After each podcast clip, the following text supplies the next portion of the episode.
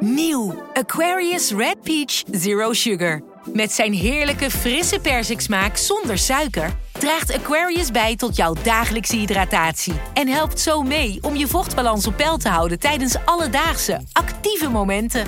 Thuis, op het werk of onderweg. Ook verkrijgbaar in smaken lemon en orange. Probeer hem nu. Wie reist met NS, reist net even anders. Wij reizen groen, zonder moeite te doen. Oh, zo kan je dus ook een dagje weg. En wij werken in stilte. In stilte? Nou ja, met oortjes dan. Oh. Zo gaan we iedere dag vooruit. Stap je ook in?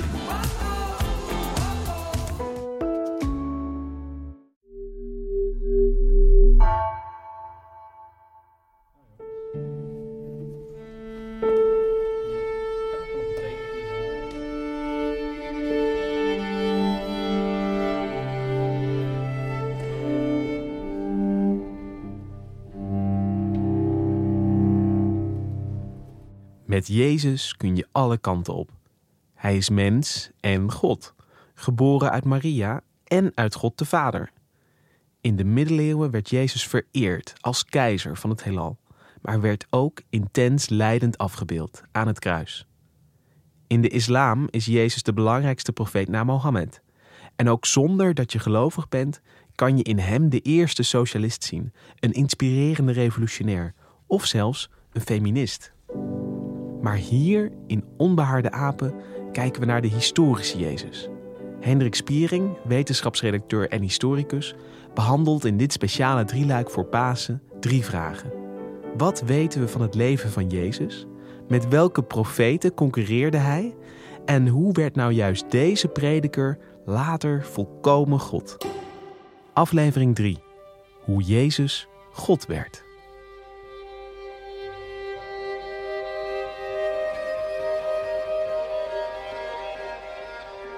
Jezus vertrok met zijn leerlingen naar de dorpen in de buurt van Caesarea Philippi. Onderweg vroeg hij aan zijn leerlingen: Wie zeggen de mensen dat ik ben? En zij antwoordden: Johannes de Doper. En anderen zeggen Elia. En weer anderen zeggen dat u een van de profeten bent. En toen vroeg hij hun: Wie ben ik volgens jullie? En Petrus antwoordde: U bent de Messias. Hij verbood hun op strenge toon om hier met iemand over te praten.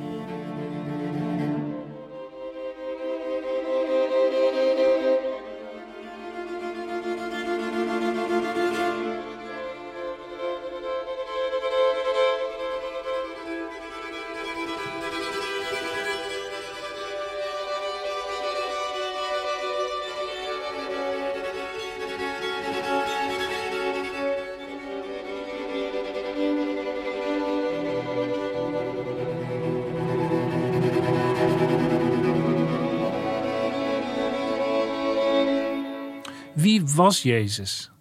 Met die vraag begonnen we dit drieluik. En volgens dit citaat, wat ik net voorlas uit het Evangelie van Marcus, was dat ook bij zijn leven niet bij iedereen duidelijk. De mensen vonden dat hij leek op Johannes de Doper, dat zeiden zijn leerlingen. En misschien wel op Elia, dat is de grote profeet uit de tijd van koning David. En Jezus beschouwde zichzelf kennelijk als de Messias de koning verlosser van het komende koninkrijk der hemelen. En het gekke is, dat moesten zijn leerlingen kennelijk nog even geheim houden. Maar dat Jezus een God zou zijn? Nee, dat lijkt bij leven van Jezus toch echt niemand te denken. Maar in het credo uit de vierde eeuw, waar we de eerste aflevering mee begonnen, is Jezus precies dat. God uit God, licht uit licht, ware God uit ware God, één in wezen met de Vader. God de Vader natuurlijk. Hoe heeft dat zover kunnen komen? Het is nauwelijks voor te stellen dat Jezus bij zijn leven al als een God zou zijn beschouwd. Ja, in de Joodse wereld van het monotheïsme kon echt maar één God bestaan. Maar er is wel een uitweg. Je kon wel een beetje goddelijk zijn op een vage manier. Je was dan natuurlijk niet letterlijk de zoon van God, maar je was wel iemand die door God geïnspireerd werd. En Jezus werd ook op die manier wel zoon van God genoemd. Na zijn dood gebeurt er iets. Die bijzonderheid, die vage goddelijkheid, die loopt bij Jezus totaal uit de hand. En wat opvalt is, als je goed kijkt in het Nieuwe Testament, is dat Jezus in die eerste eeuw zo ongeveer per decennium steeds goddelijker wordt.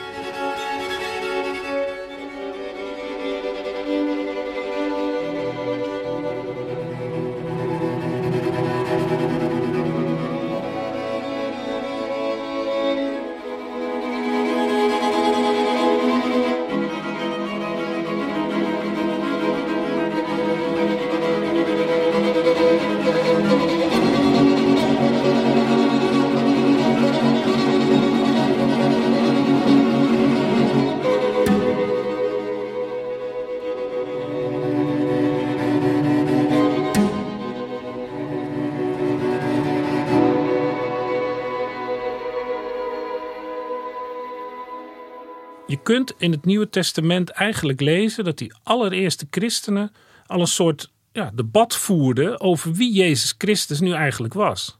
Eigenlijk net wat we nu doen, maar dan niet over wat voor mens die was, maar over hoe goddelijk die was. Het beginpunt van dat debat vinden we in een van de oudste teksten in het Nieuwe Testament. De brief van Paulus aan de christenen in Rome.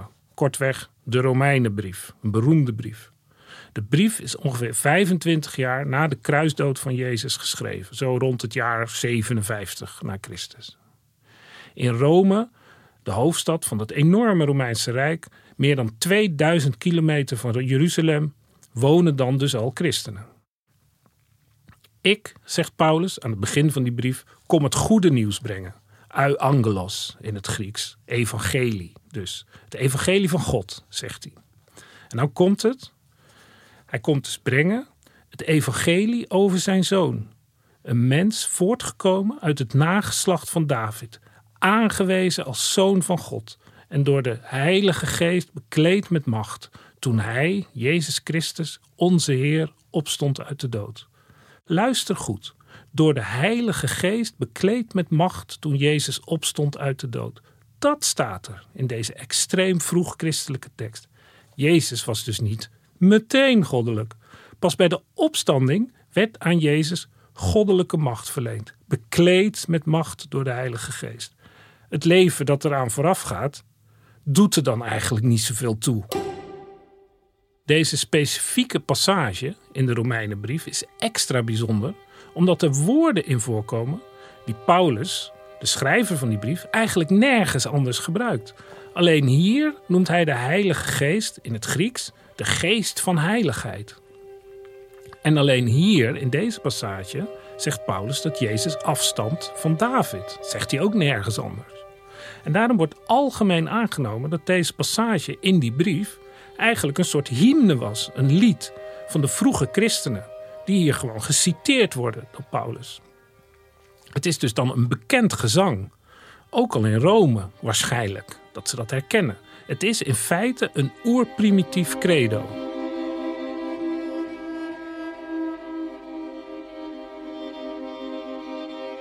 En er zitten in brieven van Paulus meer van dit soort vroeg-christelijke liederen verborgen. In een andere brief, aan de Filippenzen, citeert Paulus ook zo'n tekst, die ook algemeen als een oude christelijke hymne wordt beschouwd. En ook hier ongewone woordkeuze en ook weer een credo-achtige uitleg van wie Jezus eigenlijk is. En in die geciteerde liedtekst hoor je dat het debat in volle gang is. Het is een zesregelig gedicht, een gezang. En in de eerste helft hoor je een nieuw idee. Namelijk dat Jezus ook al voor zijn geboorte een soort goddelijk wezen was, maar daar dan weer ja, min of meer totaal afstand van deed toen hij mens werd. De eerste helft van die hymne die gaat dus zo. Hij die de gestalte van God had, hield zijn gelijkheid aan God niet vast. Hij deed er afstand van. Hij nam de gestalte aan van een slaaf en werd gelijk aan een mens. En als mens verschenen heeft hij zich vernederd en werd gehoorzaam tot in de dood, de dood aan het kruis. Ja, en dan horen we dus ook dat de vernedering en de dood aan dat kruis vervolgens beloond werd met enorme verheffing. Ik lees nu het tweede deel voor. Daarom heeft God hem hoog verheven en hem de naam geschonken die elke naam te boven gaat opdat in de naam van Jezus elke knie zich zal buigen, in de hemel, op de aarde en onder de aarde.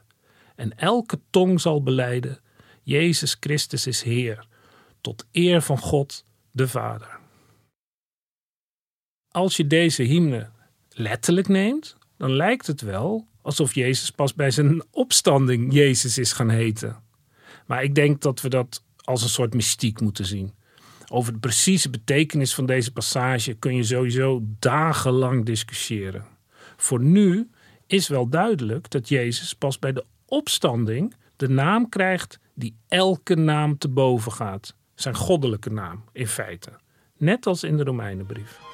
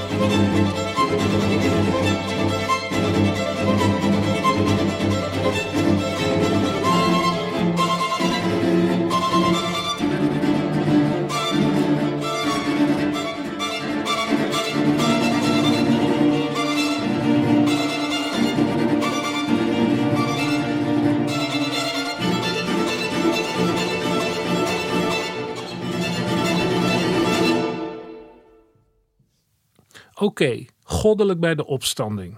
Ja, of iedere volgeling van Jezus er zo over dacht in de jaren 40 en 50 van de eerste eeuw, dat weten we natuurlijk niet. Paulus zelf, waar we zoveel brieven van hebben, is ook maar één van de vele apostelen die in die tijd rondreist om het nieuwe geloof te verkondigen. Een centrale christelijke organisatie was het toen ook nog lang niet. Maar er is wel iets interessants met die hymnes omdat er was natuurlijk wel onderling contact. En het lijkt erop dat deze hymnes als een soort bekend citaat in de brief worden gevlochten. Dus ze moeten, per definitie dus, bekend genoeg zijn om als citaat herkend te kunnen worden. Dus ze moeten al flink zijn rondgegaan. Dus we kunnen wel een beetje aannemen dat er toen toch al redelijk wat christenen waren die deze liederen zongen en dus kennelijk geloofden dat Jezus in leven en dood nog gelijk was aan een mens. Om pas na die vernedering aan het kruis enigszins goddelijk te worden. Maar ja, dan rijst natuurlijk in dat vroeg-christelijke debat over Jezus de vraag: als Jezus voor zijn dood dan nog een doodgewoon mens was, met welke macht verrichtte hij dan eigenlijk al die wonderen tijdens zijn leven? Waarschijnlijk leefde in het begin van die tijd dat probleem nog niet zo erg. De eerste christenen die waren geen theologen. En sowieso verwachten ze, in navolging van Jezus zelf, dat eigenlijk op ieder moment alles anders zou worden. Het koninkrijk hemel zou op aarde komen. Jezus als teruggekeerde Heer. Waarom zou je eindeloos blijven analyseren hoe dat nou allemaal precies zat? Maar op de langere duur, als dat koninkrijk der hemelen toch later komt dan je denkt, als het stof van de opstanding toch ook al wel weer een beetje is neergedaald, dan kan zo'n probleem gaan knagen. En dat zijn ook vragen die een nieuwe bekeerling gaat stellen. Die dat verhaal dan heel goed wil snappen voordat hij de stap zet naar zo'n nieuw geloof. Die vraagt dan: ja, hoe zat dat dan bij het leven van Jezus? Was hij toen ook al God?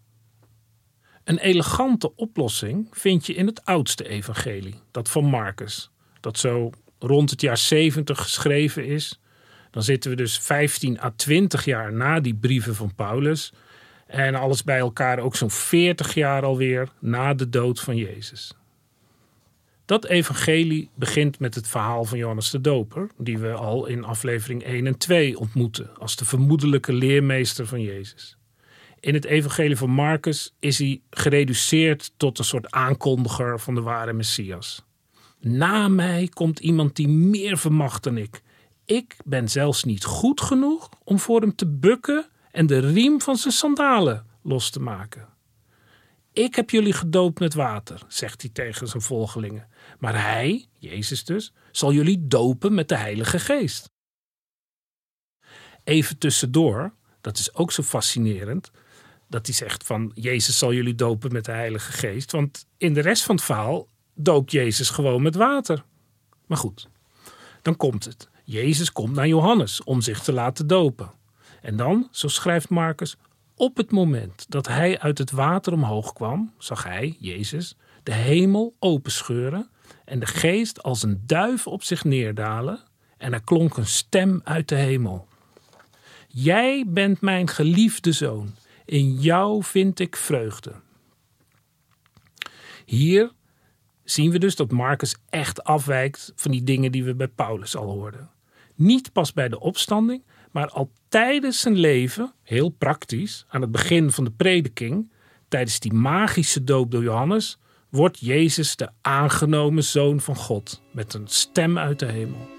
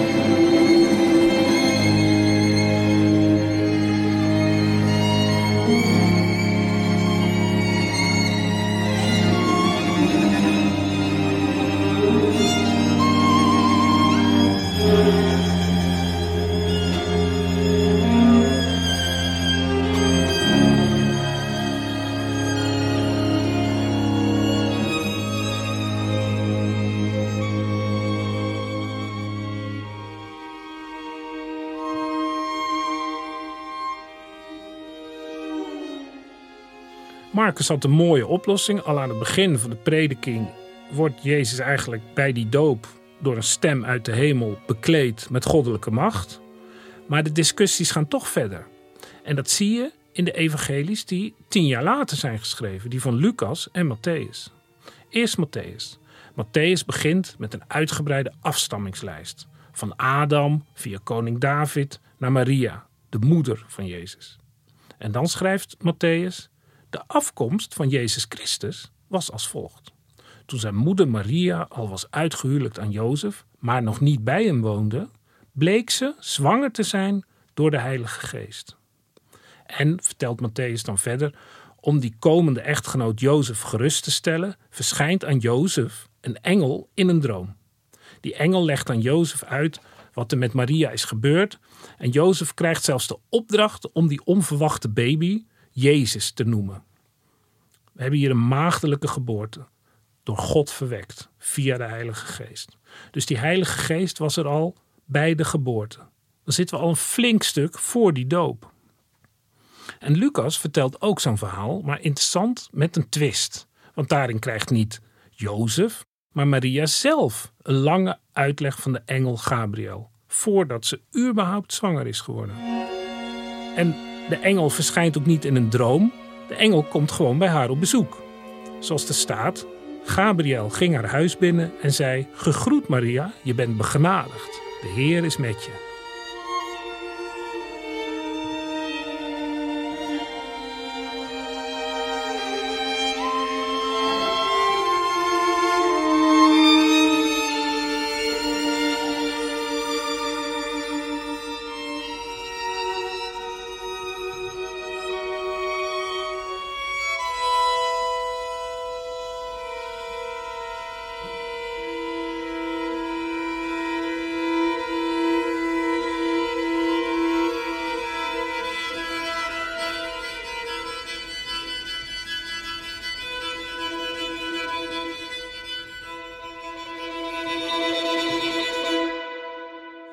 Dus waar zijn we? Niet pas bij de opstanding, niet pas bij de doop, maar bij Lucas en Matthäus is Jezus al goddelijk als die geboren wordt. En hoe bijzonder is die goddelijkheid in deze tijd? Er zijn namelijk wel meer verhalen in de Griekse en Romeinse mythologie vaak over kinderen die door een god verwekt worden bij een menselijke vrouw. Je hebt bijvoorbeeld Herakles, dat is de zoon van Zeus of Jupiter, en een menselijke vrouw Alcmene, die ondertussen ook nog gewoon getrouwd was. Zo gaat dat in die mythes. En Herakles wordt dus door de verwekking door een god een halfgod. Later wordt hij ook weer een hele god. Dat is een ingewikkeld verhaal. Waarin als hij sterft door een vergiftigd hemd. En dan grijpt Jupiter in. En dan mag Heracles gewoon als een volledige god op de Olympus wonen. En zo zijn er heel veel verhalen. Vaak met de god Zeus of Jupiter in het Latijn in de hoofdrol. En dat was vrij normaal in de Hellenistische cultuur van het Midden-Oosten. En hier wil ik niet mee zeggen dat die maagdelijke geboorte van Jezus op het verhaal van Heracles of zo'n andere halfgod gebaseerd zijn. Maar het was voor Lucas en Matthäus, die toch ook onderdeel waren van die Griekse cultuur, omdat ze schreven ook in het Grieks, was het een manier om Jezus al zijn hele leven die goddelijke eer te geven. Dus het, wordt, het loopt uit de hand. Hij wordt gewoon steeds goddelijker. En interessant is ook dat er heel expliciet wordt gezegd in die geboortemythe, om het zo te noemen, dat Jezus ook echt de naam moet krijgen die elke naam te boven gaat. Jezus, zo moet hij heten. Maar we zijn er nog lang niet. De ontwikkeling in de vergoddelijking van Jezus gaat gewoon verder. Dit was kennelijk ook niet genoeg. En de volgende stap in dat debat is nog vastgelegd in het Nieuwe Testament. Luister maar naar het begin van het Evangelie van Johannes, het vierde Evangelie. En die tekst is weer later. Die is pas opgeschreven rond het jaar 95 na Christus. Dus we zitten alweer 15 jaar ongeveer na Lucas en Matthäus. Ik lees het begin voor en het is volkomen duidelijk dat dit dus over Jezus gaat. Dat moet je er eigenlijk wel bij zeggen. In het begin was het woord en het woord was bij God. En het woord was God. Het was in het begin bij God. Alles is er door ontstaan. En zonder dit is niets ontstaan van wat bestaat. In het woord was leven. En het leven was het licht voor de mensen. Het licht schijnt in de duisternis. En de duisternis heeft het niet in haar macht gekregen. Johannes begint niet met opstanding, dood, maagdelijke geboorte. Hij begint met een soort hymne weer, waarin Jezus ouder is dan de schepping. En al die tijd al bij God. Ja, zoals er staat, het woord was God. Jezus is het woord. Goed, je kan dat woord, Jezus, nog interpreteren als de scheppende kracht van God. Dus net niet helemaal volslagen identiek aan God zelf. Maar ja, dat scheelt natuurlijk bijna niks.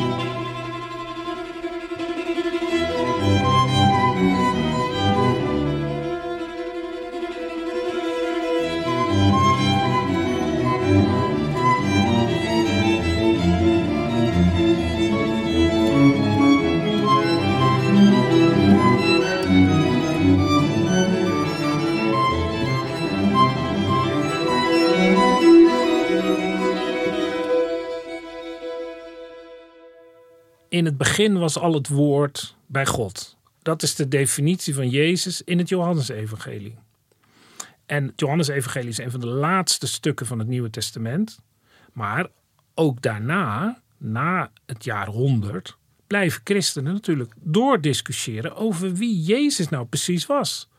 En om het verhaal af te maken, ook na de evangelies die we uit het Nieuwe Testament kennen, worden er weer nieuwe evangelies geschreven. Dat zijn vaak teksten uit de tweede en derde eeuw, die meestal helemaal geen licht meer werpen op de historische Jezus, maar natuurlijk wel op de ontwikkeling van het christendom, wat daarna komt. In die teksten zie je terug hoe in de tweede en derde eeuw allerlei verschillende christelijke stromingen ontstaan, die allemaal weer een eigen richting opgaan en ook allemaal weer een net ander idee hebben van wie Jezus eigenlijk was. Voor het gemak kan je die christendommen in drie groepen verdelen. Ten eerste, in de meer gnostische hoek, zo wordt dat genoemd, wordt Jezus steeds minder mens. En steeds meer die hoge engel van God die naar de aarde komt om de mensen de weg te wijzen naar de waarheid. Dat zit al een beetje in die hymne die Paulus citeert in zijn brief aan de Filippenzen. Hij die de gestalte van God had, een soort engel, deed er afstand van. En in plaats daarvan nam hij de gestalte aan van een mens. En dan de tweede groep is een soort middengroep, die vaak de proto-orthodoxe stroming wordt genoemd. De stroming van de orthodoxie, maar dan eerder, proto.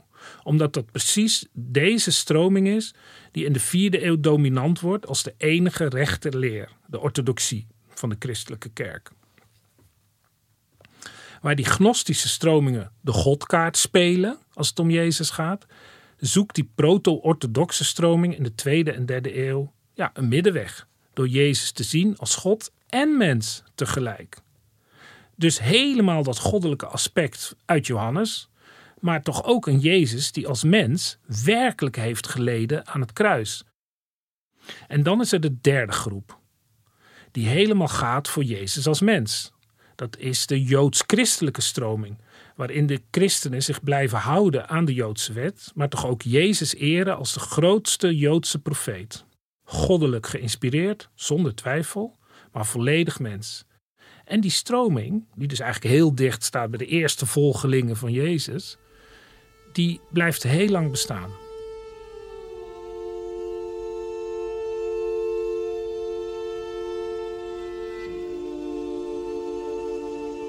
En zo zijn we, na drie afleveringen van de historische Jezus van Nazareth, via de andere profeten uit zijn tijd, en nu dus de wonderlijk stijgende goddelijkheid van Jezus in de eerste eeuw, weer precies teruggekomen bij het credo. En dat christelijke credo is nog altijd de basis van veruit de meeste vormen van christendom. De mensenzoon is hier zelf God geworden. Hij is de enige geboren zoon van God, geboren uit de Vader, voor alle tijden. God uit God, licht uit licht, ware God uit ware God, geboren, maar niet geschapen. Eén in wezen met de Vader en door wie alles geschapen is. Hij is voor ons mensen en voor ons heil neergedaald uit de hemel. Hij is vlees geworden door de Heilige Geest uit de Maagd Maria. Hij is mens geworden. Hij werd voor ons gekruisigd onder Pontius Pilatus. Hij heeft geleden en is begraven. Hij is verrezen op de derde dag, volgens de schriften. Hij is opgevaren ten hemel. Hij zit aan de rechterhand van de Vader. En hij zal wederkomen in heerlijkheid om te oordelen levenden en doden. En aan zijn rijk komt geen einde.